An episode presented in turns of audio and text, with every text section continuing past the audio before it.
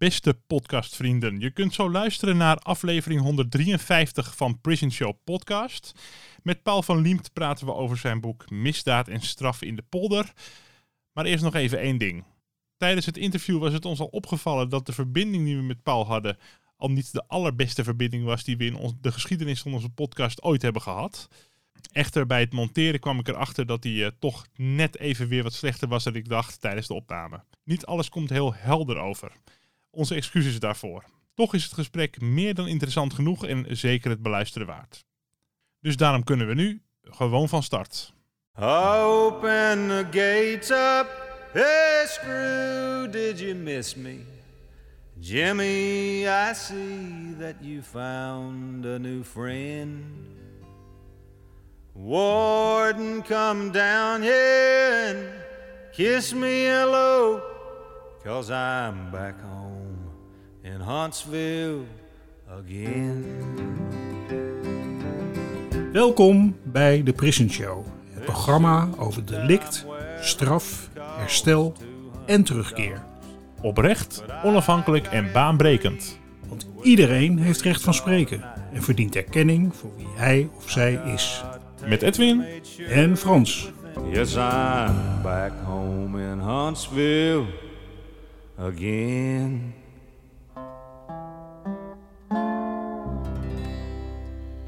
Welkom bij een nieuwe Prison Show aflevering. Elke vrijdag in je podcast app of op Spotify en via prisonshow.nl. Ja, daar zijn we weer. En, yes, uh, we zeker. bij mij in de huiskamer. Met het uitzicht uh, over de landerij, hè? zeggen we dan de landerij uh, erbij. Ja? Op dit moment ook een, een, een, een, enorm spanningsveld in dit dorp ten opzichte van de, de plannen van de, van de provincie om het te gaan verbrakken. Om, om, om bepaalde beplanting weer terug te brengen. Dat heeft met dat natuurgebied hier te maken gaan ze zout water gaan ze hier in die polder laten stromen. Ja, uit het Noordzeekanaal, waar het aan ligt. Ja. Waar, met als gevolg dat er geen koeien meer kunnen zijn.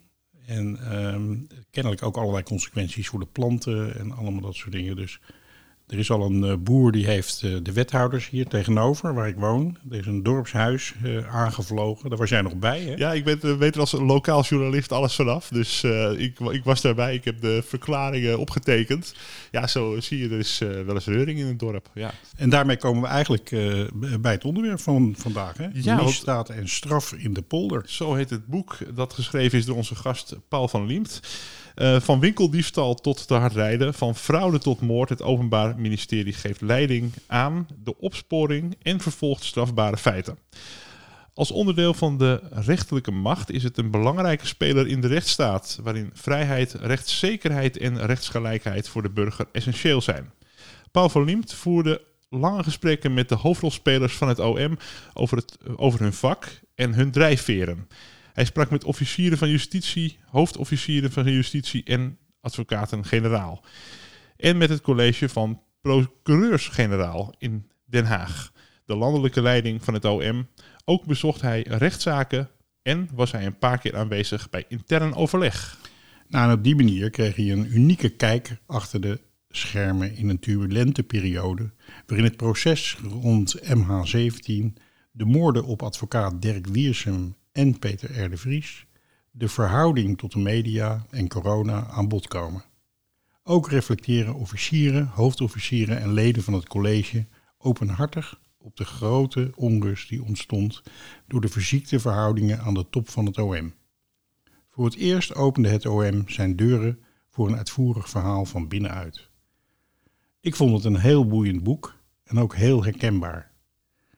En ik ken een aantal actoren ook persoonlijk. En dat kleurt het voor mij in ieder geval uh, behoorlijk in. Um, Paul van Liemt, uh, die we zo gaan verwelkomen. Uh, geboren in 1962. Dus een zeer ervaren en veelzijdige journalist en schrijver. Hij werkte voor het Parool, Vrij Nederland en het Financiële Dagblad. Blad. En hij schreef zes boeken. En hij maakte ook ontzettend veel radio en podcasts. Welkom in de Prison Show, Paul. Dankjewel, Edwin. Um, waarom en voor wie heb je dit boek geschreven? Ja, dat is echt de belangrijkste vraag. Hè? Dat is inderdaad heel goed om mee te beginnen. Want uh, dat, dat, is, kijk, nee, omdat ik altijd, het eerste zoals ik denk ik altijd, ik vind het begin bij mij echt, vind ik het onderwerp interessant genoeg. Ik ben altijd om de zoveel tijd op zoek naar iets waar je, uh, je doet heel veel werk, baan van de dag. En dan wil je ook af en toe eens vooruitkijken. En, en heb je ergens uh, lang de tijd voor. Nou, ik heb heel veel tijd moeten maken voor dit boek. Corona kwam er ook nog tussen. Maar het ging wel steeds meer groeien dat ik iets met het OM wilde doen. Want elke dag gaat het uh, over het OM. Je kunt geen krant opstaan, geen radioprogramma beluisteren. Er komt wel een bericht over het OM naar voren. En het interessante is ook, en dat, uh, ik heb een tijd lang voor BNN Nieuwsradio dan juridische zaken gepresenteerd. En dan was het vrij gemakkelijk om met advocaten te praten, die heel graag hun kant van de zaak laten horen. En de officier van justitie, ja, die hadden daar toch wat meer moeite mee, want dan moeten ze in de rechtszaal doen. Er zitten heel veel redelijke argumenten tussen. Maar het is ook een beroepsgroep die, die denk ik wat meer aandacht uh, verdient, maar waar we ook wat meer van willen weten. En dat liefst ook met name toename. Dat mensen, dat, dat, het zijn mensen van vlees en bloed. Ook al zeggen ze zelf natuurlijk officieel dat ze inwisselbaar moeten zijn, wat dat zo is. Maar het zijn wel mensen van vlees en bloed en die wil je ook leren kennen.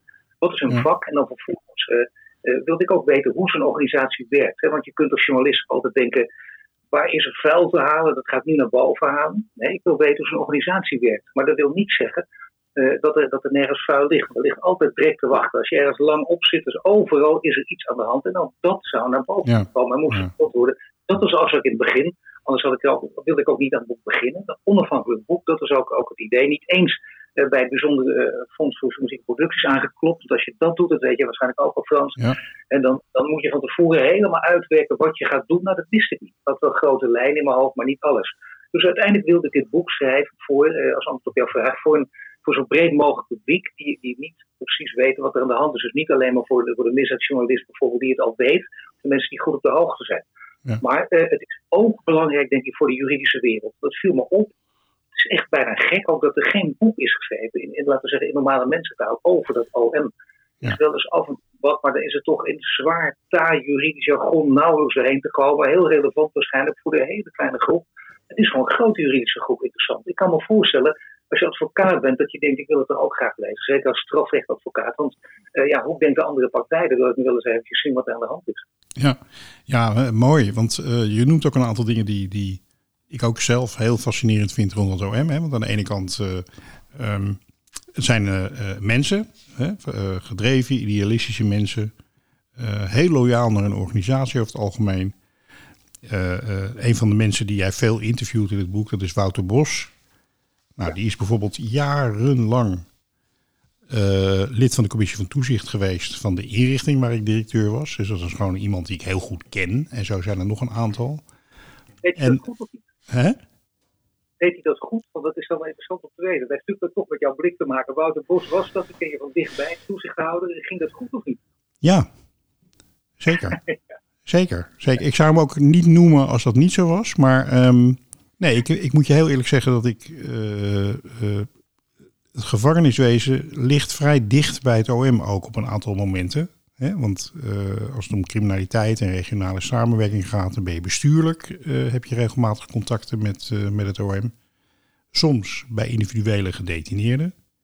Um, en um, ja, zo'n commissie van toezicht is wel wordt wel bemand of bevrouwd vanuit, vanuit de rechterlijke macht. En onder andere door officieren van justitie.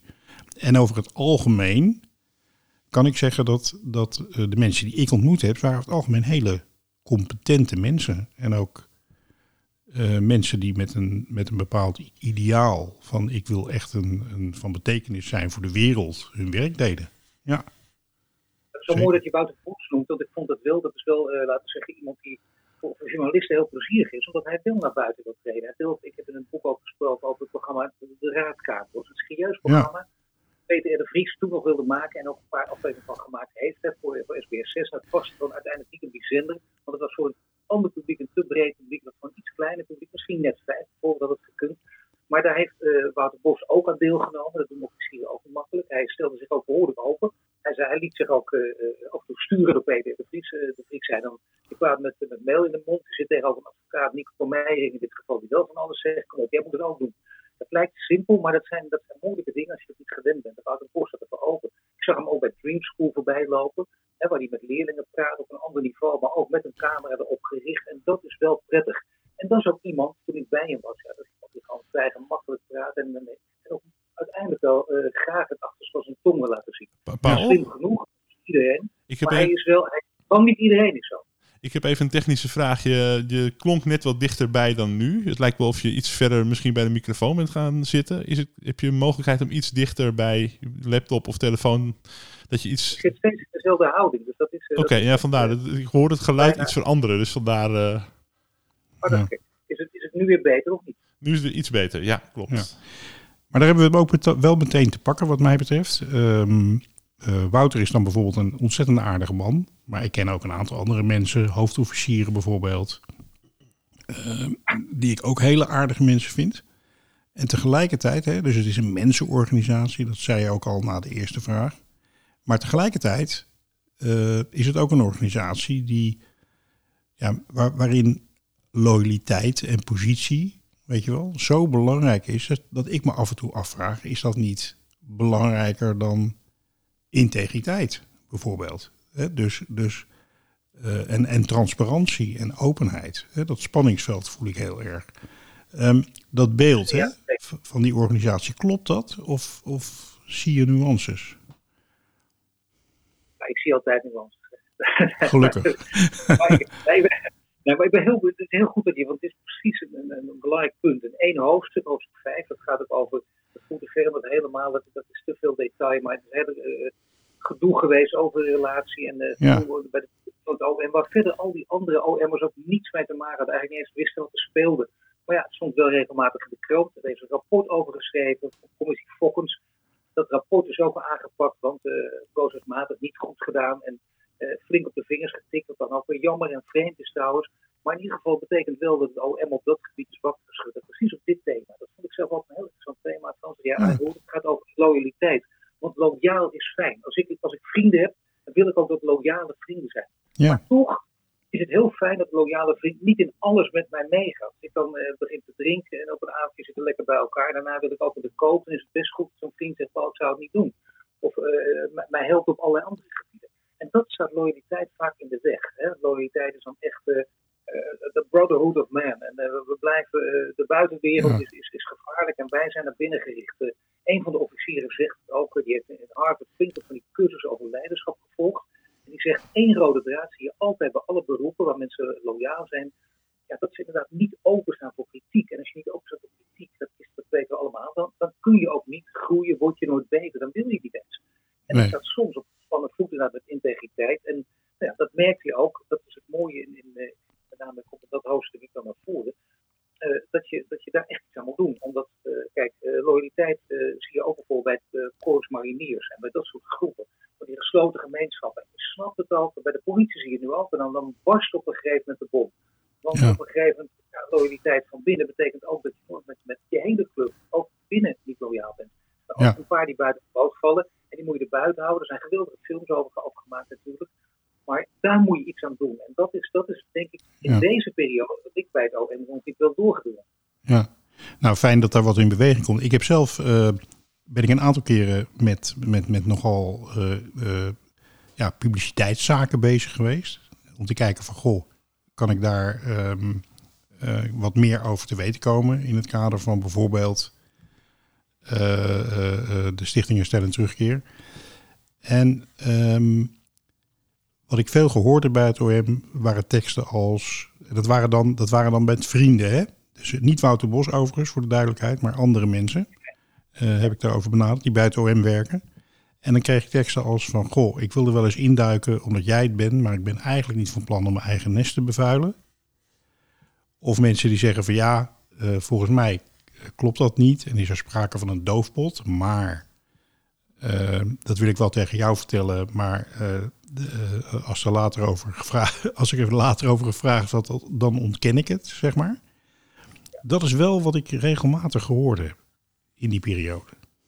Uh, dat kan. Dat, kan. dat is een periode, maar dat is dan een periode dat er ook veel op het spel staat. Ik vind dit altijd wel heel erg lastig, omdat. Um, uh, kijk, dat, dat, zie, dat is precies als het over klokkenluiders ook gaat. Het is heel belangrijk dat er klokkenluiders zijn. Als het OM zegt dat wij de integriteit heel belangrijk is, kijk maar, we hebben zo'n onderzoek laten doen, dan zeg ik altijd, ja, maar dat heb je niet uit jezelf laten komen. Dat komt pas omdat er inderdaad klokkenluiders waren die naar de krant liepen. En het begint ja. altijd met de journalistiek. En, en, en dan, dan, ga je wat opengooien en dan komt er pas wat. Maar eh, wat jij zegt, ja, dat vind ik eerlijk gezegd met alle beroepsgroepen. Dat heb ik in mijn muziekcarrière ook altijd echt moeilijk gevonden. Om er mensen bij met een geweldig verhaal. Maar ja, dat is ook, kan ook een afrekening zijn. Of Ja, ja, ja. Ja. Zagrijnig of geposteerd dat ze geposteerd zijn voor een functie. Of gewoon niet goed genoeg. Of wat ook. Ze hebben een hekel aan iemand.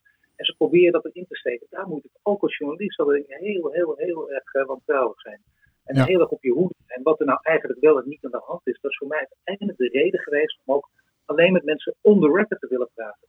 Want Ja. het is daardoor, kijk, het is, het is, ik wilde ook een, ik wil een prettig boek schrijven met goede voorbeelden, maar dan kost het meer tijd. Ja. En dat betekent, dan, oké, er is niks uit respect gekomen, omdat ik merk dat iemand er gesloten was, maar ik voel dat er wat in zit, dan moet ik nog een keer terug en nog een keer. Vertrouwen winnen. En ik dacht, ik moet die tijd gaan nemen. En kijk, als je mensen laat leeglopen, ja, dan, krijg je, dan ga je ook makkelijker richting sensatie. Dan is het soms misschien eerlijker, maar je geeft mensen ook wel heel veel de ruimte om inderdaad eh, tot iedereen zijn eigen beroep en op de Ja. eigen prestatie En dan denk ik, ja, wat, waar, hoe ver zit je dan van de waarheid op? Ja, ja eigenlijk is het eh, wat je heel erg nodig hebt, is natuurlijk eh, transparantie. Hè? Dus, dus de, de ruimte en de mogelijkheid om ook gewoon echt met mensen te praten. En een soort veiligheid bij mensen ook om, om dingen te kunnen vertellen. Maar je moet de tijd hebben en het, is- het is echt, dat is echt waar. En dat, en dat precies ook waarom ik heb gedacht, ik moet in een periode van mijn leven schrijven dat ik iets meer mijn eigen tijd kan indelen. Ik heb op een gegeven moment tien jaar achter elkaar voor radio en tv dan talkshows gedaan. Dan ben je echt elke dag in een ritme van bam, bam, bam. Ik Ja. heb ook wel eens een boek geschreven, maar dat is dan toch een ander boek, want dat kon je in de avonduren letterlijk doen aan de hand van twaalf interviews of minder. En dit, hier kon ik nu overal naartoe met iedereen praten en dus inderdaad ook veel langer praten. Ik heb Ja. ooit gehoord, dus dat is goed dat je dat zegt, dat is echt wel een sprekend voorbeeld. Eh, laten we zeggen van, van, een, van een grote CEO die nu niet meer aan de top staat, maar die, die zei toen in de tijd dat ik ook veel voor BNR en met name het FD ook schreef, die zei toen, ik laat me, dat heb ik gezegd, die heb ik in mijn Britse periode geleerd, ik laat me nooit lang interviewen door een journalist, nooit langer dan drie kwartier. Dat de meeste mensen zeggen, ik wil juist wel, ik heb de tijd nodig voor de context. Hij zei nooit langer, want als ik, als ik langer dan drie kwartier praat, dan ga ik te veel vertellen en dat wil ik. niet. Dat dacht ik, nou zie je wel. Ja. Dat, daar gaat het juist om. je hebt blijkbaar heel veel dingen die je, die je tegen de borst wil houden, die je niet wil vertellen. Dus reden te meer om wel de tijd te nemen om lang met. Ja. Nou ja, en je, je, je past je eigen handelen heel erg aan aan een heleboel belangen die, eh, die spelen. Hè? Eh, dat is natuurlijk ook zo. Hè? De, de, eh, er zijn allerlei. eh, er is natuurlijk een belang van, van de integriteit, van, van eh, eh, het, het geven van informatie. Je hebt het personeelsbelang, je hebt met allerlei mensen te maken. Eh, het belang van verdachten, van, van politiemensen, noem het allemaal maar op. Hè? Dus dat is, eh, als je daarover, als je begint te praten in een leidinggevende rol, dan heb je daar echt mee te maken. Ehm, en dan, is, dan wordt het inderdaad eh, heel erg lastig om het achterste van je tong te laten zien. Dat, dat klopt. Dat, dat, dat, natuurlijk. Dat hebben hebben procureurs-generaal en de, de baas van het OM natuurlijk helemaal dan. Maar dat is begrijpelijk vanuit die functie. Dat, dat zou raar zijn om dat niet te snappen. Of, dat, dat zou ook gebrek van mij en empathie zijn om te doen. Of, kom op, je moet alles vertellen. Dat zeggen altijd buitenstaanders. Nee, als je in, een, in zo'n positie zit, is het natuurlijk anders. Dan moet je rekening mee houden. Eh, en dat gezegd hebben, denk ik. Maar je wilt niet voor niets die positie bekleden. Dat, heeft, dat brengt verantwoordelijkheden met zich mee. Daar krijg je een mooi salaris voor. Dan mag je ook, of moet je zo, heel weinig verplicht Ja. van alles eh, vertellen. En ik denk, het OM helemaal natuurlijk. bedoel, je mag andere eh, ja, de maat nemen. Dat is nogal wat dat je kan doen. Je kunt verdachten voor de rechters als enige instantie. Dan heb je nogal veel. Ja, ja soms dan, eh, dan, dan krijg je, heb, ik, heb ik gesproken met mensen die een individu zijn. Die, en dat geldt natuurlijk ook voor klokkenluiders en, en, en dat soort mensen. Of mensen die blootstaan aan vervolging en daar allerlei consequenties van ervaren. Dat zijn vaak eenlingen die geen enkele bescherming genieten, zeg maar. Hè? Ehm, of bijna niet. Die gewoon in het, in het wild kan, kan daarop gejaagd worden. Terwijl het OM, en dat gold ook voor een gevangenisdirecteur hoor, maar dat geldt zeker ook voor iemand van het OM. Dan heb je gewoon die hele organisatie achter je. Hè, die jou steunt, beschermt, enzovoort, enzovoort. Dus ehm, eh, dan is het wel eh, eh, heel mooi als iemand van het OM bijvoorbeeld, als er een misstand is, hè, als hij ziet dat het fout gaat of er iets met de integriteit aan de hand is, dat hij dan het lef heeft om zich uit te spreken. Ook in de wetenschap dat op het moment dat je dat doet binnen zo'n organisatie, eh, heel veel mensen over je heen gaan vallen. Er is wel veel lef voor Dat- nodig. baanbrekend, baanbrekend eh, dat er een paar mensen zijn die dat gedaan hebben. Dat, dat, dat heeft ook van alles opgeleverd. Maar ja, er zijn toch heel veel situaties waarin dit kan. Hè. Er is altijd wel iets in zo'n grote organisatie aan de hand. En dan is het, eh, is het mooie beeld, het bijna romantische beeld van... eh, ja, ik vocht tegen de wet. Ik ben de ene, de, de eenling die, die keihard het hele OM ging aanpakken. Want het OM is een grote machtige organisatie die mij kapot wil maken. Kijk, dat is ook een cliché. Hè. Dat is de andere kant die, die lang niet Ja. waar is. Maar het is soms, in dit geval zeker, daar heb je helemaal gelijk. En dat klopt ook. En de, alle eh, respect voor mensen die toen naar buiten zijn gegaan. En die dus, en ook voor, voor, voor eh, de media die daar toen wat gedaan hebben. En die, eh, ja, die het lef ook weer gehad hebben om door te spitten en een verhaal naar buiten te brengen. Ja. Ja, dus het, dat is wel echt het spanningsveld, zeg maar. Ehm, een ander spanningsveld, hè? het OM valt onder de minister en niet onder een onafhankelijke rechter bijvoorbeeld, zoals in sommige andere landen georganiseerd is. In hoeverre heb jij gemerkt dat de politiek en haar prioriteiten een rol spelen? Dat valt, dat valt in de praktijk denk ik heel erg mee. Dit is, dit is een, eh, ik heb er niet gek veel aandacht in mijn boek aan besteed, maar natuurlijk wel een aantal pagina's wat het belangrijk is. Maar dit, is wel, dit gaat over staatsrecht. En ik, ik merk ook met elke officier, dat zijn de gedreven doeners. Dat is een enorm cliché, maar wel waar. Dat zijn ze allemaal. Hè? Dat is bijna extreem. Ze worden op een feestje uitgenodigd, wat allemaal leuk vinden, maar zij denken gelukkig wordt geteld, er is geen zaak, ik kan me daarmee gaan bemoeien. Zo gek op je werk zijn wij. Ja, Maar dat betekent wel eh, dat, je, ja, dat je het niet zo'n zin hebt in staatsrecht. Als ik eh, dit soort vragen ook als ik over begon, dan merk ik bijna altijd, oh jee, dan gaan we daar. Want dat klopt ook. Kijk, het is een hele ingewikkelde constructie. ook. Ik heb het lang met Marianne erbij over gesproken. Echt misschien voor jou ook heel interessant met haar praten. Zij is eh, hoogleraar openbaar ministerie. Ze is ook eh, advocaat-generaal en eh, ook officier van justitie geweest. En zij weet er alles van. En ze zegt ook, het is een, een ingewikkelde verhouding. Eh, aan Ja. het buitenland ook bijna niet aan te leggen. Het is bijna nog lastiger om de publieke omroep aan het buitenland uit te leggen. Ja. Het is toch het openbaar ministerie, want het is inderdaad, eh, je bent deel van de uitvoerende macht en deel van de rechterlijke macht. En de rechterlijke macht ben je dus onafhankelijk magistraat. Bij de uitvoerende macht uiteindelijk is de minister degene die jouw basis, en eh, ik heb het ook even opgeschreven, wat ik een mooi zinnetje vond, eh, wie de leden van het OM op de kast zal krijgen, heeft het niet over aanwijzingen, want die mag de minister uiteindelijk geven. Maar over bevelen die de minister aan het OM geeft. Werkwijze die al sinds mensenheugen bestaat in Nederland. Hè. Die juristen die ervoor doorgewit hebben om het ingewikkeld te maken, even dit te citeren, spreken altijd over een precair evenwicht tussen de dienstbare bestuurder en de onafhankelijke magistraat. Nou ja, dat blijft dus altijd lastig. Die zogenaamde aanwijzingsbevoegdheid heeft een minister inderdaad ten diepste. De minister gaat dus ook over budgetten en wat ook, maar dat, is, dat, dat levert veel problemen op in de loop der jaren. Dat zijn gewoon normale discussies. Maar die aanwijzingsbevoegdheid zou betekenen dat je concreet met een zaak kan bemoeien. Die mag je wel of niet doen, of wel of niet vervolgen. Nou, ik heb aan iedereen alles eh, eh, gevraagd, ook aan de Meijer die dat weet, en niemand een zaak doen, een serieuze zaak, waarbij die aanwijzingsbevoegdheid gebruikt is. Dus in de praktijk speelt het niet. En daarom denk ik officieren, laat maar zitten. Ik denk het is, het is interessant om dit toch wel een keer goed uit te zoeken, want het is ook de theorie. De theorie houdt in, stel nu dat er een minister zit, dat er in een ander kabinet komen, dat er partijen komen die, die, die, ja, die, die, die, die niet zo prettig over de democratie bijvoorbeeld denken. Of er Ja. anders over denken dan de meeste mensen. Ja, en, en je krijgt dan in eh, deze verhouding tussen het OM en de minister, ja, dan is wel serieus aan de hand. Maar nu op dit moment, voor zover ik heb kunnen nagaan, blijft een precaire positie, moet je er ontzettend mee opletten, maar kun je uiteindelijk wel onafhankelijk gedragen. Een voorbeeldje tijdens corona, toen zag je het vooral steeds ook.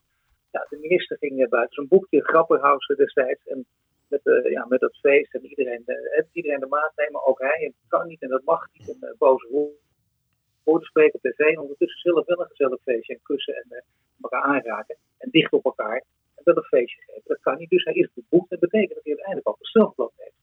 Dus ja, dat geeft, ik zou bijna zeggen dat dat geeft aan dat je in de praktijk je onafhankelijkheid vertoont. Ja. Een van de hoofdofficieren die zei ook, tijdens van Grapperhaus, Diederik Schrijver, die, die, die ook een mooie bijdrage vind ik aan het boek heeft geleverd, die zei ook, hij is nu hoofdofficier in Noord-Nederland, die zei ook, uh, er staat niet achter op onze toga powered by Grapperhaus. En, en dat, is, dat geeft toch wel alles weer. Want als het wel zo is, dan zou je tien voorbeelden kunnen noemen. Dus dan zie je wel, wat daar, daar, daar ging het mis. Nou, dat is in het verleden wel, wel eens gebeurd, maar niet dat het dus over hele grote zaken ging. Er zijn natuurlijk wrijvingen die komen door dat evenwicht. En ik ben niet staatsrecht geleerd genoeg om te weten hoe je dit uh, precies zou kunnen opknappen. Ik weet wel dat uh, die aanwijzingbevoegdheid, dat is een heel, heel ingewikkeld verhaal. Uiteindelijk geldt de burgerbaas, die kun je er gewoon, uh, die kun je gewoon in laten staan. En Miranda de Meijer die zegt, nee, ik ga maar liever uit. En dat is, ja, dat, dat, dat, dat soort discussies, die discussies blijven altijd. En ik denk dat het echt 50-50 is ook hoe het binnen het OM erover gedacht wordt. En ook hoe het door staatsrechtgeleren over gedacht wordt. Ja, en hoe het in de praktijk gaat als gevolg van de verhoudingen. Dat is natuurlijk ook heel belangrijk. Hè? Hoe opereer Nou, je in dat spanningsveld? Ik, ik denk als er echt, kijk, de urgentie is altijd, helaas, dat weten we op alle gebieden, als er echt wat stevig misgaat, dan zeg je, hadden we maar dit of dat gekozen. Maar nu speelt iets en het is ook niet aan te geven. Ik kan het ook niet, dus daar, het zou, het zou waanzinnig zijn als ik het weet. heb ik bijna een Nobelprijs verdiend, dus ik weet het niet. Wat, Ja. nee, maar goed, ik weet niet wat hier de verstandigste beslissing is. Nee. Ik kan alleen zeggen dat in de praktijk, in de praktijk blijkt dat, dat die aanwijzingsbevoegdheid is er, maar er wordt geen gebruik van gemaakt. Nee. Door Nee. een volgende minister van Justitie. Waarbij natuurlijk wel zo eh, iedere dag eh, talloze plekken in het land eh, officieren van justitie besluiten nemen over wat wel en wat niet vervolgd wordt. Eh, dat is een soort mix van de beschikbare capaciteit, eh, prioriteiten van wat gaan we met elkaar, wat vinden we belangrijk, zeg maar. En dat, dat is al vrij politiek natuurlijk. Hè? Wat, wat moet er vervolgd worden in Nederland? Ehm, dus daar, daar, een je hebt het opportuniteitsbeginsel, dat vinden alle officieren heel prettig uiteindelijk, want inderdaad, zij hebben het zelf de, weg om een zaak, als ze dat zelf willen, gewoon bijvoorbeeld niet te vervolgen. Die, die beslissing mogen ze helemaal zelf nemen. Dat is Ja. dan een heel belangrijk recht, wat, wat, waarvan zij zeggen, dat geeft ons ook extra, eh, inderdaad, eh, extra onafhankelijkheid, maar eh, dat verstevigt onze positie. Maar inderdaad, je bent daar ook eh, heel machtig en, en daar moet je zeer bewust van zijn. Het is soms ook heel lastig uit te leggen. Ik kan me herinneren onlangs met het, eh, eh, met het vervolgen van, van bekende Nederlanders die, die, die, die verdacht werden van, van strafbare feiten. Hè? Dat MeToo-verhaal van, van The Voice en dat soort dingen. Dat, dat een advocaat bijvoorbeeld reageerde van... ja, ik heb iedere dag dat soort zaken die nog veel ernstiger zijn... en die worden nooit vervolgd. Hè, dus dan, Ja, dat is dat is lastig uit te leggen denk ik, bij, eh, ja, bij Jan Derks speelde dat ook. En dan zie je ook hoe moeizaam dat was. want moet je dat wel of niet? Kijk, heel veel mensen horen het niet. En daar wordt opeens wel tijd in gestopt. Dat was inderdaad eh, Ja, dat, dat was een heel moeilijk punt. Dat, dat, op dat soort zaken, dan weet je ook dat er, dan komt de kritiek en dan merk je dat ook. Komt er niet een direct antwoord. Hebben ze te lang tijd nodig om daar, op daar te reageren. Kijk, bij het vermoeden van, we hadden het al even over, bij het vermoeden van een strafbaar feit bepaalt het OM of de politie een onderzoek doet, of er vervolgd gaat worden. En soms doet het zaken zelf af. Is het OM almachtig? Ik, ik, ik kan me herinneren, eh, één moment dat, dat het voor mij heel erg eh, dichtbij kwam, was toen ik met, eh, met- de hulpofficier van justitie, een politieman dus, in het kader van een stage gewoon een nacht mee, meemaakte, zeg maar, in de provincie. En de politiemensen met ontzettend veel enthousiasme een auto met volgestolen spullen en weet ik veel wat hadden aangehouden. En dat toen eh, met de officier werd gebeld. Die zei van nou, eh, laat maar gaan. Eh, daar beginnen we nu niet aan. Daar hebben we even geen mensen voor en geen tijd voor. Snap je? Dat, en toen dacht ik van, goh, jeetje, een heel teleurgestelde politiemensen. En ik kan me heel goed voorstellen dat zo'n besluit genomen wordt. Hè? Want het, het, het heeft ook allemaal met capaciteit en dat soort dingen te maken. En met prioriteit. Maar tegelijkertijd dacht ik ook van jeetje mina. Wat een, eh, wat een machtig, eh, machtige persoon is die officier. Nee, maar dat is zeker. Dat, dat, dat is ook waar natuurlijk. En de enige die ook, eh, wat je ook al zegt, is ook zo. Die, de enige die de verdachte voor de rechter mag slepen. Ik bedoel, dat is nogal wat. De enige ook die anderen dus letterlijk de maat kan nemen. kan zorgen dat iemand achter slot en grendel komt. En hier bijvoorbeeld tijdens een politieonderzoek om wat voor reden ook wil zeggen, we gaan er niet mee door. Maar je bent ook leidinggever van politie. Dus een officier moet ook ontzettend veel beslissingen op een dag nemen. Twijfelaars eh, kunnen nooit dat vak uitoefenen. Maar die almacht, eh, dat, daar heb ik ook bij mensen lang over doorgesproken. Dat, het zou te gek zijn als echt eh, de onafhankelijkheid zo ver gaat. Dat alleen zij eh, kunnen doen wat er gebeurt en dat er niemand verder omkijken heeft. Je ziet als er wat misgaat, heb je natuurlijk altijd ook nog eh, een, een macht, eh, de macht van de pers in Nederland. Ja. Eh, als je in een rechtszaal heb je natuurlijk ook advocaten. Advocaten die kunnen ook hun best en dat doen ze ook. En die kunnen ook gebruik maken van talkshows, waar ze makkelijker hun rol kunnen doen dan een officier. Want dat zijn natuurlijk eenzijdig een boven kunnen brengen. En eh, dan heb je natuurlijk ook de rechter zelf die het vonnis. Dus het is niet zo dat ze zomaar wat kunnen doen. Bovendien hebben ze intern ook nog een, eh, eh, dat, je allemaal als een doekje voor, uh, dacht ik ook in eerste instantie, het klinkt als een soort doekje voor het bloeden, maar dat bleek echt werkelijk te zijn. Een van de aanbevelingen in dat rapport Fokkens, wat een deel dat over integriteit gaat, stel een visitatiecommissie in. En dat werd voorgesteld terwijl het boek aan het schrijven was. En nog voor het boek klaar was, was de visitatiecommissie ook al klaar ingesteld en klaar met het rapport. Dus dat is niet van we gaan het op lange termijn schuiven, wat vaak gebeurt. Commissietje, oh, lekker vijf jaar vooruit schuiven. Nee, snel gedaan. En er stonden ook uh, kritische punten in, waar het, uh, mensen van buiten, dus allemaal die erin zaten, en die uh, kritiek kunnen geven en die dat blijven geven, ook opgezette tijden op de OM. Dus mensen bij elkaar is het niet zo, denk ik, Ja. dat het OM alleen maar de almachtige heerser is. Maar ja, juist omdat ze zoveel macht hebben, is het maar goed ook dat er voortdurend van alle kanten heel, heel kritisch naar gekeken wordt. Ja. Ja, een ander ding, wat, wat zeker niet alleen bij, de, bij, de, bij het OM speelt, maar bij de overheid in het algemeen, is natuurlijk de afstand naar de burger. Hè? Ehm, wat, ik, uh, wat ik bij het OM aantref, is, uh, want ik geef ook wel eens lezingen hè, voor het OM en dat soort dingen. Um, aantref is in ieder geval een grote overtuigdheid van, uh, van de eigen kennis, kennis en kunde, zeg maar. Hè? Uh, ik was pas geleden bij een, een groep uh, uh, officieren van justitie en toen zei er een van ja, wij weten natuurlijk precies hoe het zit met, met mensen die in de schulden zitten en in de criminaliteit terechtkomen en in bepaalde buurten wonen. En we weten ook hoe de gevangenis, hoe dat gaat. En uh, dat weten wij allemaal en wat wel werkt en wat niet. Maar hoe gaan we nou de rest van de wereld ervan overtuigen? En, en, en wat ik in die vraag miste, was eigenlijk het soort van besef, zeg maar, dat uh, wij geen van allen, ook ik niet, uh, heel gemakkelijk vanuit onze eigen positie en achtergrond kunnen denken. Hè? Ik bedoel, als mens kijk je logischerwijs heel erg vanuit je eigen werkelijkheid naar anderen, zeg maar. En, en op zichzelf het weten daarvan vind ik eigenlijk al heel erg belangrijk. Nooit twijfelen je eigen waarheid, bedoel je ook eigenlijk?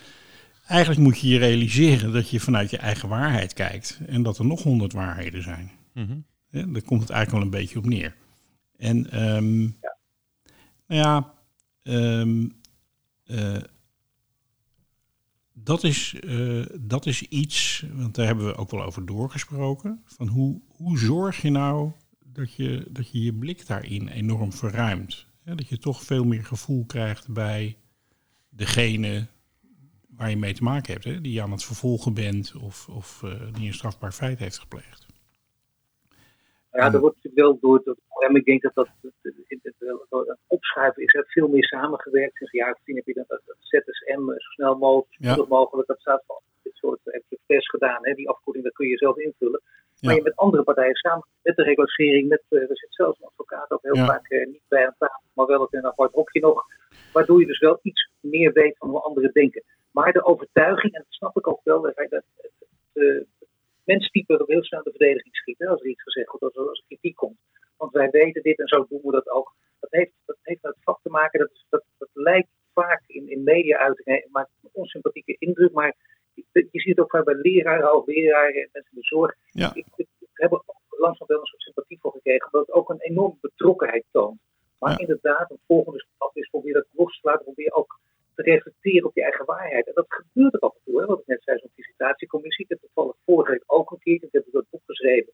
Dus dan ben je opeens ook een deskundige, wat ik natuurlijk niet ben. Dat, je bent gewoon geen deskundige, alleen je weet er nu wel veel meer van dan gemiddeld. En ik ben ook zeer geïnteresseerd in. Ik bedoel, heb je hiervoor ook rechters geïnterviewd, juridische zaken lang gedaan. Maar ik bedoel, jij, zit, jij weet het veel beter. eh, in jouw achtergrond. Maar af en toe op mijn gebied kan ik ze wel iets vertellen. En wat, wat, wat mij bijvoorbeeld echt aansprak, was dat uh, strafmaatoverleg wat. Mhm. En dat is, uh, dan zeggen ze ook, al, ja, dat is een strafmaatoverleg. Nou, de, de eerste reactie was toen ik daarbij wilde zitten, nou, zo bijzonder is dat niet, dan moet het voor zo'n boek. En ik, ja, kom even. Dan zit je alleen in je eigen kop om. Dat is Nee, vond ik ontzettend goed. Je hebt daar heel uitgebreid over geschreven, hè, over het strafmaatoverleg. Misschien goed om even uit te leggen wat het precies is. Wat het, uh... Dus twintig officieren, ik was in Den Bosch daar, en uh, er stuk of twintig officieren bij elkaar. En iemand moet uh, straks zijn requisitoren houden, moet verdedigen waarom hij bepaalde straf gaat, gaat uitdelen. Wil even reflectie hebben met twintig collega's, zitten met z'n twintigen bij elkaar. En ze zijn heel kritisch tegen elkaar. En, dat gaat, en dan, dan, dan uiteindelijk aan het eind van de discussie is de hele zaak uitgelegd, de context aangegeven. Deze meneer heeft, heeft deze uh, meneer een stomp gegeven en daarna ook nog bewerkt met, met een bezem en, weet ik, en een mes gebruikt. En wat is de achtergrond daarvan en wat is het letsel en wat is de beste straf die je hiervoor kunt geven. En dus altijd in relatie tot de context. Heftige discussie, echt een heftige discussie daar. Dat heb ik vaker meegemaakt. En mocht ik zelf ook meedoen met zo'n zo plaatje. Toen wist ik al dat de burger altijd roept uh, op feestjes. Straffen niet hard genoeg, maar dat de praktijk is dat de burger altijd degene is die, als hij alles weet, een lagere straf geeft. Ja. Dus ik dacht, ik moet me daarvan bewust zijn. En desondanks was ik inderdaad degene die toch de lagere straf daar uh, uitdeelde. Uh, toen ik daar zat. Dus ja, er zijn er verschillende beelden die je hebt. En toen dacht ik, dit strafmaatoverleg moet je gewoon vaak, veel vaker gaan doen. Dan moet je bijna alle burgers erbij betrekken. We hebben geen juryrechtspraak. We zien het in Amerika wel. Dat in ieder geval heel veel nadelen heeft. Maar als voordeel dat mensen weten wat er speelt. En, en op basis waarvan je tot beslissingen komt. En dat je ook zelf mee mag denken en mee mag praten. Ja. Toen heb ik gezegd, dat zou ik landelijk kunnen doen. Dat dient bijna elke burger om even aan te sluiten. En dan denk je, dan krijg je een enthousiaste reactie. Nee, dat komt meteen uh, in de modus van, nee, daar hebben we geen tijd voor. Dat snap ik ook. En nee, dat kan allemaal niet, snap ik ook. En dan roepen we ook. En maar we deden al burgerfora. Ja, gaan het op burgerfora. Dat zou dat bij ons allemaal doorgedrongen zijn. Dan wisten we al wat het was. Dus uh, dan, dan viel me tegen dat we dat niet iets meer altijd geven. Om te denken, ja, dit is een goed idee. Dit zouden we vaak moeten doen. Dus is wat dat betreft denk ik wel wat meer werk aan de winkel. Nog meer uit die ivoren toeren komen. Maar ja, voor zo'n boek hebben ze wel voor, voor de OM er zit een behoorlijke stap. Ja, dat, uh, dat beschrijf je ook en dat is ook logisch. Er staan veel belangen op het spel. Uh, en de media zijn natuurlijk ook een, een, een, een speler die, die voor enorm veel onrust en, en toestanden kunnen zorgen. Als ze dingen in de, in de, in de krant en uh, in een boek terug kunnen lezen. Dat, dat, klopt. Um, wat, ik, um, um, wat, wat ik fijn vind, en dat beschrijf je ook in je, in je boek, is, is, is dat veel officieren de verschillende rollen hebben gehad in het strafrechtssysteem. Dus ook bijvoorbeeld advocaat geweest zijn, dus ook een andere kant en een ander stuk hebben opgepakt. En, en daardoor worden ze ook wat leniger in het uh, begrijpen van de verschillende posities in het proces, denk ik. Um, en, en dat, dat, beschrijf je ook. Um, wat, ik, uh, uh, uh, wat, wat, wat ik ook wel merk is dat de officieren heel erg bezig zijn. Hè, dat haal ik een beetje uit het boek. Van met, met hun eigen rol en hun eigen plek. En hoe ze dat dan moeten doen. Binnen dat hele spel van het strafrechtproces, om het zo maar te zeggen. En het krachtenveld wat er omheen zit. Wat nog wel een lastige is, is om um, zeg maar achter het gedrag van de verdachte te kijken. Um, hoe heb je dat gezien? Hè? Want mensen gedragen zich. Bijvoorbeeld, uh, ze hebben een bepaalde proceshouding, of ze ontkennen alles, of ze zijn vervelend, of wat dan ook. Uh, of juist heel uh, coöperatief, zeg maar. En hoe duid je dat nou als officier van justitie? Hoe neem je dat nou mee in je overwegingen? Dat is zeker heel belangrijk. Ik denk dat toch vrij veel officieren zich wel over uitgelaten hebben. Dat Koos ja. uitgebreid op de het juist proberen, en dat dat ook toegeeft, dat je langzaam naar mij, het is een, een ervaringsvak. Je begrijpt ook steeds beter als je ouder wordt dat dat een grote rol speelt. Snappen waarom iemand iets doet. Uh, ook, want het is een heel groot krachtenveld. Het heeft ook te maken van met zaken die, uh, die veel de publiciteit komen. Dan ja, laat je ook leiden door de publiek bijvoorbeeld. Uh, ken je een rechter heel goed als je lang meegaat? Kun je over die rechter plaatsen, ja. zo ongeveer die kant kun je daardoor ook hè, jouw verhaal daarin aanpassen. En moet je dat doen of niet? dat allemaal mee. De advocaat die je tegenover je hebt, dus ook een bepaald type met een karakter. En je kijkt inderdaad naar, naar de verdachte. Ik bedoel, uh, kijk, dat, dat, dat, dat, is heel moeilijk, denk ik, als je jong bent, om te zien hoe oprecht iemand is. Of, of, uh, of dat iemand iets zegt wat is ingefluisterd. Of omdat iemand uh, politieke ja, reden gewoon iets roept. Ik denk dat het door strafvermindering blijft. Want los van het proces, uh, van het gedrag wat je ziet, uh, daar zit meestal een verhaal achter. als ik ehm, praat met, met mensen die in de gevangenis zitten of in de gevangenis gezeten hebben, waarom ze blijven ontkennen of waarom ze zich op een bepaalde manier gedragen tijdens de zitting, ja, dan is daar eigenlijk, daar zit daar altijd een logisch verhaal bijna achter. Um, wat niet verteld wordt en wat je niet weet als je met hen te maken hebt, om het zo maar te zeggen. En dat, um, um, ja, dat is ook nog een afstand. Ja, wat, wel door een advocaat, wat wel door een advocaat ingebracht kan worden natuurlijk. En af en toe ook ingebracht wordt, omdat je als je vindt dat het relevant is. Maar dit is best een moeilijke deze. Want hier, het hele interessante discussie. Omdat dan krijg je toch het verhaal van je hebt één gezin en we hadden het heel moeilijk thuis. Een gezin met vier kinderen. En hoe kan het dan dat er drie zijn de zware criminaliteit en gaan en die ander niet? Die heeft keurig in de avonduren en weet ik veel wat. En onderwijs, onderwijs en heeft toch een Dus dat, dat maakt het wel extra gecompliceerd voor deze. Ja, zeker. Zeker. Want uh, ja, uh, heel simpel gezegd, uh, gedrag van mensen komt, heeft deels te maken met, met hun achtergrond, hè, dat gezin wat je noemt natuurlijk. Maar zeker ook met, met gewoon je aangeboren eigenschappen. Hè, waardoor het ene kind, bij wijze van spreken, directeur van van een bedrijf kan worden en een maatschappelijk aanvaardbaar besparing kan opbouwen. En het andere kind aan de heroïne verslaafd raakt, bij wijze van spreken. Terwijl ze allebei die context hebben meegemaakt. Dus ja, dit, is, dit is inderdaad, het heeft ook te maken met, uh, met alles. Hele referentiekader, input van, van opvoeding, onderwijs, ja. inderdaad, de genetische aanleg. Ja. ja, dat is wel heel samenspel. Ik, ik zou het ook lastig vinden om daar één ding uit te pikken. Hoor. Dus kijk, om die reden is het precies een verhaal, dan zou je het snappen, want dat is de conclusie. Dus uiteindelijk, ja, jij weet precies hoe het gaat met gevangenissen ook. Hè. Dan krijg je discussie, helpt dat nou en heeft dat enig zin? Nou, het zijn goed officieren ja. en ook advocaten die dat ervan zeggen. Het, het, mooiste voorbeeld vind ik eigenlijk hier strafrechtadvocaat Hiddema, die aan mensen dan niet van, dan heb ik het over de mensen die Hiddema niet leuk vinden. Ja. Die, die, die, zijn heel verbaasd dat Hiddema dan zegt, ja, maar die heeft helemaal niets aan van straf. Ik, ik, ik heb de eerste uh, cliëntjes gehad en ik merk dat het vinden ze dan niet passen in zijn gedachtegang. Maar hij Ja. zegt gewoon wat wat hij heeft meegemaakt. Ja. Dus er wordt wel degelijk in die wetgeving goed over nagedacht. Ook. Alleen ja, wel, wat je daar precies mee moet en wel, wat voor zwaard je daarmee moet uh, Ja. toekennen ook aan, aan, aan, aan, dit soort verhalen, weet ik niet. Ja. Nou ja, wat ik altijd heel fijn vind is als mensen zich van hun eigen beperktheid eh, bewust zijn, zeg maar. Hè? Ik, eh, ik eh, had pas geleden een gesprek op het initie- op, met een rechter die mijn boek had gelezen. Ehm, en, en, en die zei van ja, ik heb 30 jaar mensen veroordeeld. En eh, eigenlijk eh, kende ik die mensen niet. Eh, Ik heb het eigenlijk gedaan op basis van een, eh, van een, van een dossiertje, wat door anderen was opge, opgesteld. En eigenlijk is zo'n strafrechtproces eh, de, helemaal niet de ideale manier om die mensen tegen te komen en te leren kennen, om het zo maar te zeggen.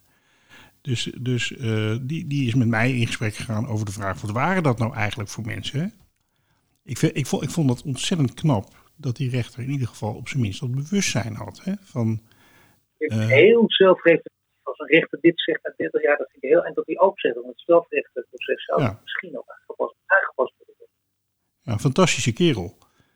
Ehm, ik heb dan eh, eh, de vraag, ja, hoe zou je dat nou kunnen doorbreken? En, en, toen, en dat geldt in feite ook, misschien ook wel voor advocaten en misschien ook wel voor gevangenisdirecteuren en voor, en voor rechters.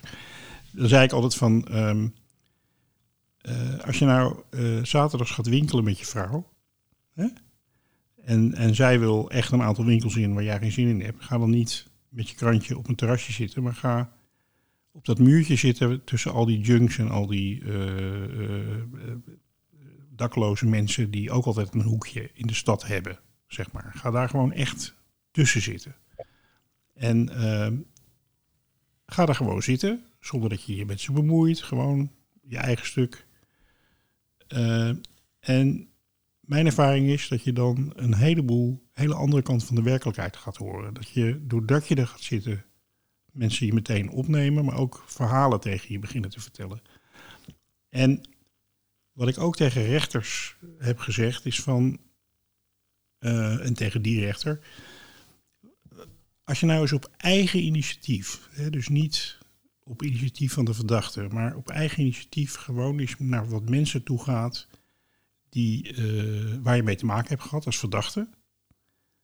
Ehm, en dan eh, op het moment dat ze eigenlijk zelf uit de problemen zijn, zeg maar, met justitie. En nodig ze eens uit om met je te gaan zitten en een kop koffie te drinken en eens terug te kijken. Zeg maar. Ehm, mijn gedachte is dat als je dat doet. ehm, ik heb zelf na mijn eh, pensioen heb ik heel veel mensen gesproken die in de gevangenis gezeten hebben en ook bij mij in de gevangenis gezeten hebben. Dat heeft mij ontzettend veel geleerd, ook over mezelf. En over de manier waarop ik bezig ben geweest. Dat is wel, ja, ik vind dat wel een, een, een nou, het is een idee wat ik heb daarover. Ja. Ik denk dat het geweldig is, maar het is heel, je zou dan veel mensen zo moeten verzamelen. Dat denk ik nu ook hard te denken door als jij dit zegt, want dat, dat zo'n rechter daar ook in meegaat, is wel heel mooi. Het enige wat ik weet nu al, dat weet je ook, als je dit gaat voorstellen, stel dat je daar, dat, dat ze jou altijd weer vragen, je gaat bij de OM praten, je vertelt dit verhaal. Ik weet nu al dat, zullen zeggen, en, en begrijp ik ook, maar daar hebben we geen tijd voor. Dat kan niet. Ja, ja, ja. Dat een vorm van een reden eigenlijk om het niet te doen. Je, je moet op een of andere manier natuurlijk een begin mee maken als je wil veranderen. Ja. Nee, maar dat is natuurlijk een verhaal wat ik, wat ik eh, dat klopt helemaal wat je zegt. En dat, dat geldt voor bijna iedereen in overheidsdienst, denk ik. En zeker ook in het strafrechtssysteem. Dat mensen zeggen van ja, en dat heb ik ook wel gezegd eh, bij lezingen bij het OM. Van ehm, geweldige mensen die echt vanuit een ideaal rechten zijn gaan studeren bij het OM of eh, zijn gaan werken. En die zeggen van ja, ik ben eh 80% van mijn tijd bezig met allerlei gedoe en om het systeem en de administratie en alles overeind te houden. En maximaal 20% met besteed ik tijd aan het werk waarvoor ik dit werk ben gaan doen en deze keuze heb gemaakt. Hè, dat is ook wel een beetje de triestheid van het, van, het, van het ronddraaien in een systeem en in de bureaucratie. Ja, het is het verhaal eh, van, de, van, de zorg en het onderwijs. Dat is het. Precies. Dat je voortdurend, eh, moet opschrijven wat je gedaan hebt. En per uurtje in plaats van dat je gewoon aandacht aan die patiënt mag geven. Dat is natuurlijk. Nee, dat, dat is echt, dit is wel echt een groot verhaal. Dat, eh, hoe, hoe meer mensen hiervoor openstaan, dan ga je vanzelf ook eh, inderdaad aan, oplossingen denken. Van hoe zou dat dan wel kunnen? Dat Precies. het verschrikkelijk is. Kom de meest, de beste mensen naar je toe als je weet dat, dat zo'n deel van je werk inderdaad dan eh, dingen Ja. opgaat waar je, waar je geen zin in hebt. Ja, mooi. Maar eh, ja, belangrijke onderwerpen, denk ik. Eh, ook iets waar we regelmatig mee te maken hebben, met de stichting, maar ook met de podcast. Dat zijn alle verhalen over de, de ja, wat ook wel de verharding genoemd wordt. Hè? De, de, het aanpakken van de georganiseerde misdaad en het voortgezet crimineel handelen eh, in de gevangenis en dat soort dingen. Hè? Contacten tussen de bovenwereld en onderwereld. Ehm, wat ik zelf heel veel tegenkom, is dat die strijd ook, eh, dat het een soort oorlogje wordt. Hè? En, dat, eh, en dat die strijd eigenlijk steeds harder wordt. En dat daarbij ook ja, het OM of, of, of eh, andere spelers, hè, zoals ook aan de kant van de georganiseerde misdaad, steeds een stap verder gaan in de escalatie. Hè? Herken je dat? Nou ja, je ziet gewoon natuurlijk eh, sowieso eh, bij, eh, laten we zeggen, de verhalen over de Hollandse netwerken. Die zijn, eh, dat, dat, dat waren ook keiharde moordenaars. En Dat zijn dan eh, dat zijn bijna romantische verhalen eh, vergeleken met de Moco-mafia. Of eh, Ja. laten we zeggen, eh, wat er nu gebeurt. Dat, dat, dat verschil is er. Op veel jongere leeftijd, veel harder gewetenloos. Die moord op Peter de Vries natuurlijk. En dat waanzinnig. En, en dan, wat moet je daar tegenover stellen? En ze zitten ook veel officieren, begrijp ik, met de handen in het haar. Wat moet je doen? Eh, lezen, lezen Gomorra bijvoorbeeld. Dat een boek om te weten hoe het precies zit. Gaan ook naar Italië. En eh, zien ook dat niet alleen maar eh, dit soort dingen in Italië gebeuren, maar ja, dat, dat, dat de maffia ook deze kant niet opkomt, maar er al is. En daar wil je dan van leren. En dan kun je zeggen dat ja, dat is dat een verharding. Dan zul je ook, daar heb je, hier heb je net bij veel dingen volgens mij, met korte en lange termijn te maken. Dan kun je niet alleen maar beschouwend naar gaan kijken. En denken, oké, dit gebeurt. Er worden nu eh, mensen op posities neergeschoten. Wat waanzinnig is. Er zijn eh, meer dan 40 officieren die continu met beveiliging moeten rondlopen. Waanzinnig is. Dat dat gek is, dat kan niet. En dan kom je echt, vind ik, op grote termen als de rechtsstaat verdedigen. Dat staat boven alles eh, voorop. En dan inderdaad naar de komma, pas op, pas op, pas op. Want je moet eh, ook deze organisatie weer niet te veel middelen gaan geven en te almachtig gaan maken. Want dat is, dat is precies altijd de andere kant van de medaille. En dat is een lange termijn. En daarvoor zul je ook eh, ja, toch de Russen je kop moeten bewaren. Die, die mensen aan de top, eh, waar die, waarvan wij denken, dat heb ik ook altijd gezeten door jongens, door die energieke, leuke mensen die gewoon sympathieke dingen zeggen. Maar nee, ik zie ook dat leidinggevenden juist eh, die mensen moeten zijn die, die, die heel cool en rustig kunnen reageren. Die misschien ook Ja. een, eh, een saaineus worden gezien in een talkshow, maar graag eigenlijk op de plekken. En zeker, zeker gezien de verharding van de, want die, natuurlijk zie ik dat ook. Dat zien ze bij het OM ook, de verharding van de laatste tijd. Maar Ja. niet dat ze ook herroepen, ondermijning, georganiseerde misdaad is een van de naast cybercrime, een van de grootste eh, punten. En altijd terug te brengen natuurlijk op, op, op, op drugs. En, en ja, goed, daar begint het allemaal mee. Ja, ja waarbij ehm, de, de, bal heel erg natuurlijk licht, neergelegd wordt bij de samenleving en bij de criminelen, om het zo maar te zeggen. Hè? Die worden harder, dreigender, delicten worden ernstiger. Dus moeten wij als overheid ook anders gaan reageren. Hè? Ehm, wat ik wel merk is sorry dat... Ik de reden van. Ja. korte termijn verhaal, maar als ik in de ik, sorry ik even de reden van. Maar dat wat jij nu zegt is waar, want dat is een korte termijn verhaal. Ja. Maar ik heb met een aantal mensen daar bij het OM gesproken, die zien ook wel degelijk dat lange termijn verhaal, dat ingebed is in een samenleving. Ja. bijvoorbeeld polarisatie, bijvoorbeeld wegvallen van de middenklasse. Dat dat allemaal meespeelt. Nee, uiteraard natuurlijk, dat zien ze ook. Maar dat is, dat is echt een lange termijn verhaal. Waar, niet, waar, waar, waar inderdaad meerdere partijen bij elkaar aan tafel moeten. Ja, waar, waar, waar, waarvan je je afvraagt van wie is, wie is daar nou echt mee bezig? Dat vraag ik me wel eens af. Met dat lange termijn verhaal. Kijk, wat, wat, wat, wat mij wel stoort is inderdaad, uh, kijk, dat, dat valt mij op een interview die ik zelf maak, op, op, met alle verschillende mensen, dat, en met name met leidinggevenden, die, dan, die schuil achter één woord, de maatschappij wordt heel complex. Dat klopt, ja. complex. En dan denk ik, jij bent toch aangesteld om te zorgen dat, en dan wil ik heus niet dat ze in, in een tijdbestek van een interview van drie kwartier, bijvoorbeeld of een half uur of korter, dat ze daar eh, de oplossing aanreiken, maar dat je wel denkt dat er, dat er iets gebeurt. Nou ja, en kijk, ik heb het altijd zo'n beetje glas half vol, glas half leeg. Ik denk dat er wel degelijk gebeurt. Ja. Uh, het gaat allemaal veel te langzaam en het, is, het heeft ja, met die strokerigheid van de polder ook zeker in Nederland te maken. Dat, dat maakt het allemaal moeizaam. Maar er gebeurt wel van alles. Dat, dit soort connecties worden gelegd. Dat, dat, dat ook, uh, dat, dat er niet door strafrecht ook gekeken wordt naar, naar, andere zaken natuurlijk. Maar dat, dat je ook snapt, ja, je kunt het strafrecht niet overal, dat is Gert van de Burger denk ik heel terecht, baas van het OM, die kunnen het niet overal voor inzetten. Dat hoor je ook vaak op scholen. Weet je wat er moet gebeuren? Zeg ik tegen zo'n zo leidinggevende en die zegt, weet je wat er moet gebeuren? Dat moet een vak worden op school. En dan maakt niet uit welk onderwerp het over gaat. Maar er is een probleem, het moet een vak worden op school. Nou, als, Ja. als ik al die antwoorden op een rij zet, dan zijn er, dan, dan zijn er 80 vakken op school. Ja. Dat kan niet. En dat geldt voor OM natuurlijk ook. Uiteindelijk schoonmaken wat bij je leest, maar zorg wel dat je naar het brede verhaal kijkt. Bijvoorbeeld die podcast die jij maakt, die hele serie die opstapeling. Ik denk dat mensen daar uit de, uit de wereld daar ook naar luisteren en, en dat die daar heus ook een voordeel mee doen.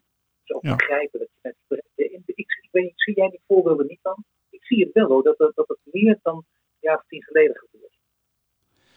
Ehm, ja, het, het, het- het- ik vind het, een, eh, ik vind het een, een ingewikkeld beeld in zoverre dat ik aan de ene kant zie dat, eh, dat, dat iedereen zich realiseert dat er aan de ene kant sprake is van een verharding en, en soms ook zelfs een doodlopend spoor. Hè, van we zijn eigenlijk niet effectief bezig. En mensen aan de andere kant ook het gevoel hebben van ja, als je echt wat wil veranderen, dan moeten we in de samenleving eh, op een andere manier met elkaar omgaan, bijvoorbeeld. Hè? Ehm, dat, dat, dat, dat, zijn twee processen die een beetje naast elkaar lopen. Een groter bewustzijn en meer nieuwsgierig naar hoe zit het nou eigenlijk precies. En tegelijkertijd een veel eh, een, een, een lijn die steeds repressiever en steeds harder wordt. Dat, dat, dat- misschien wel omdat eh, die tegenstellingen elkaar ook oproepen, om het zo maar te zeggen. Dus als, je, eh, eh, als het systeem steeds repressiever wordt, krijg je ook steeds meer mensen die, die dat merken en dan ook naar de andere kant op zoek gaan, zeg maar.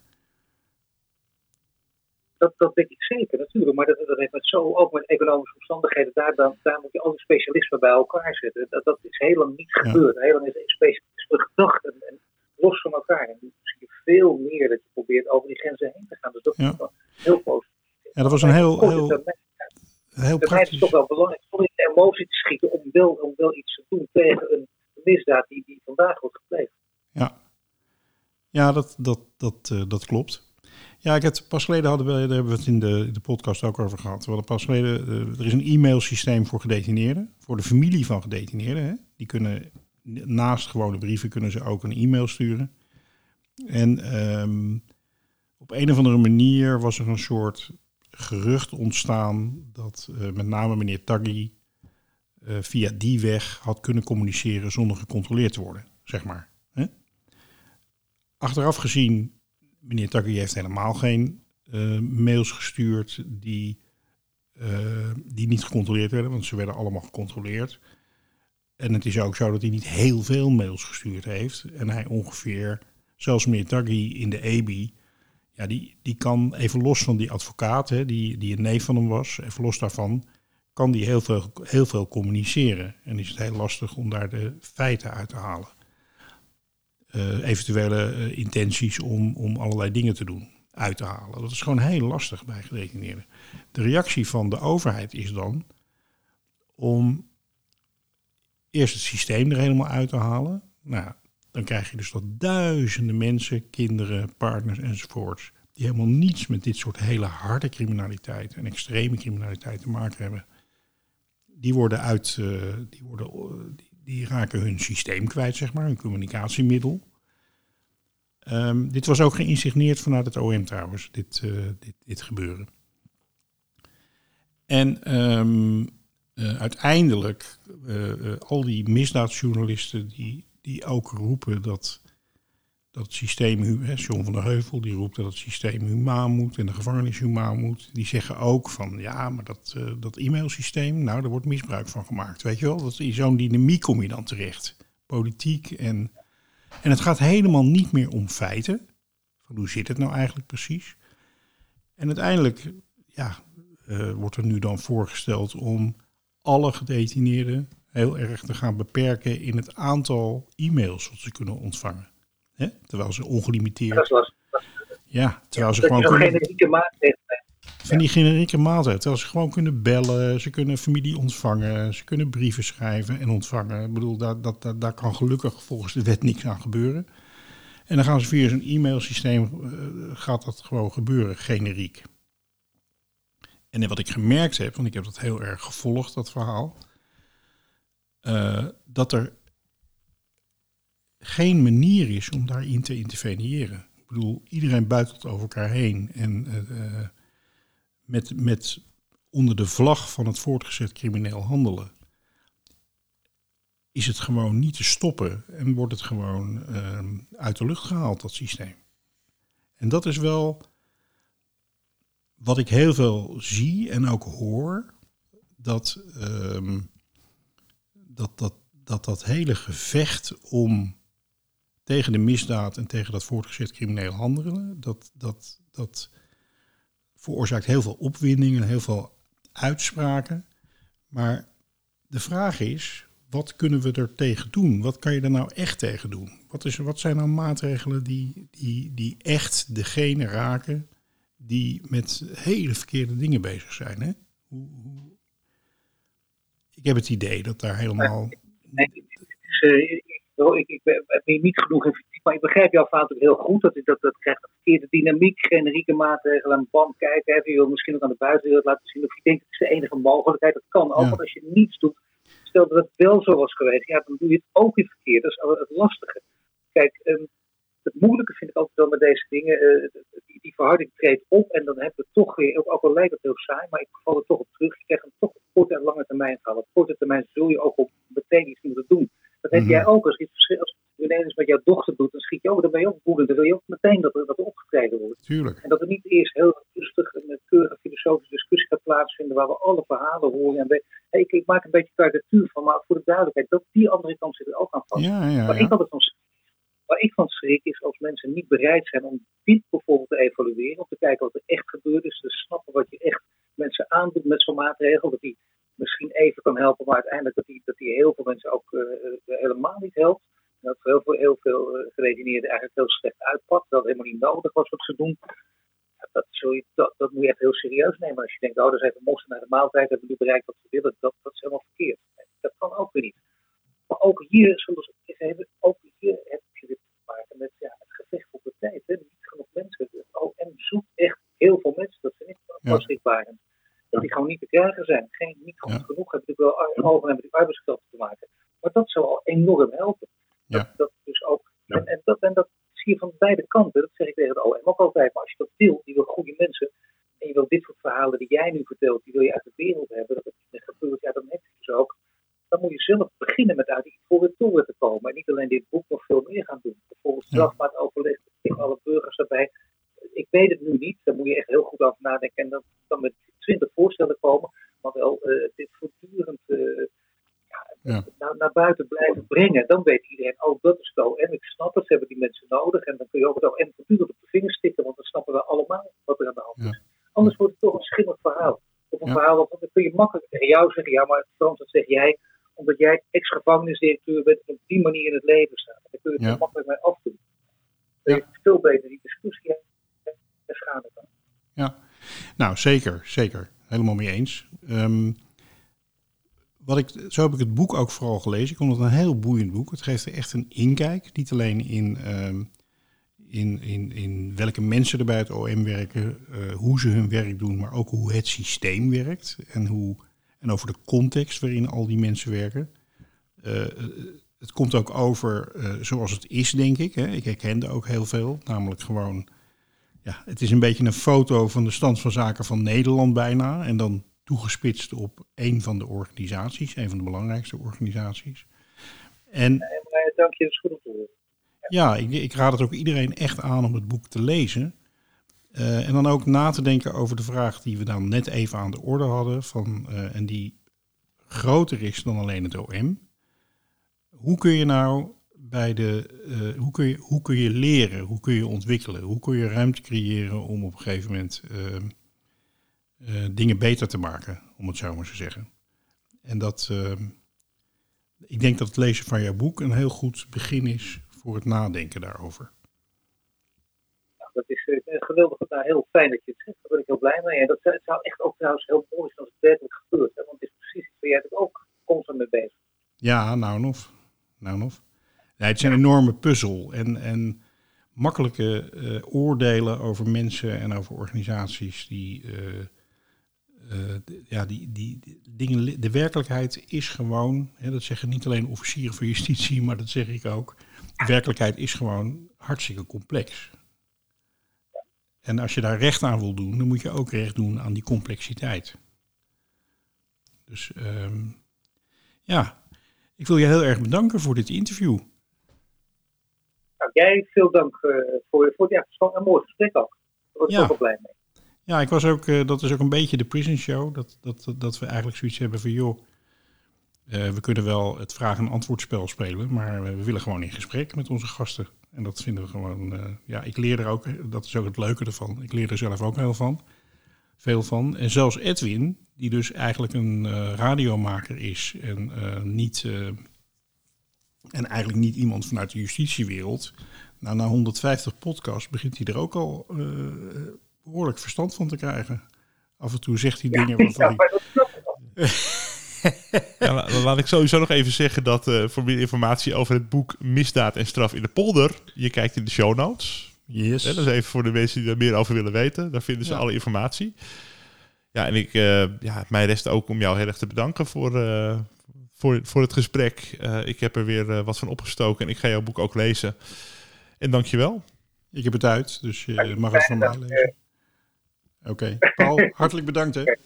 Yes, I'm back home in Huntsville again.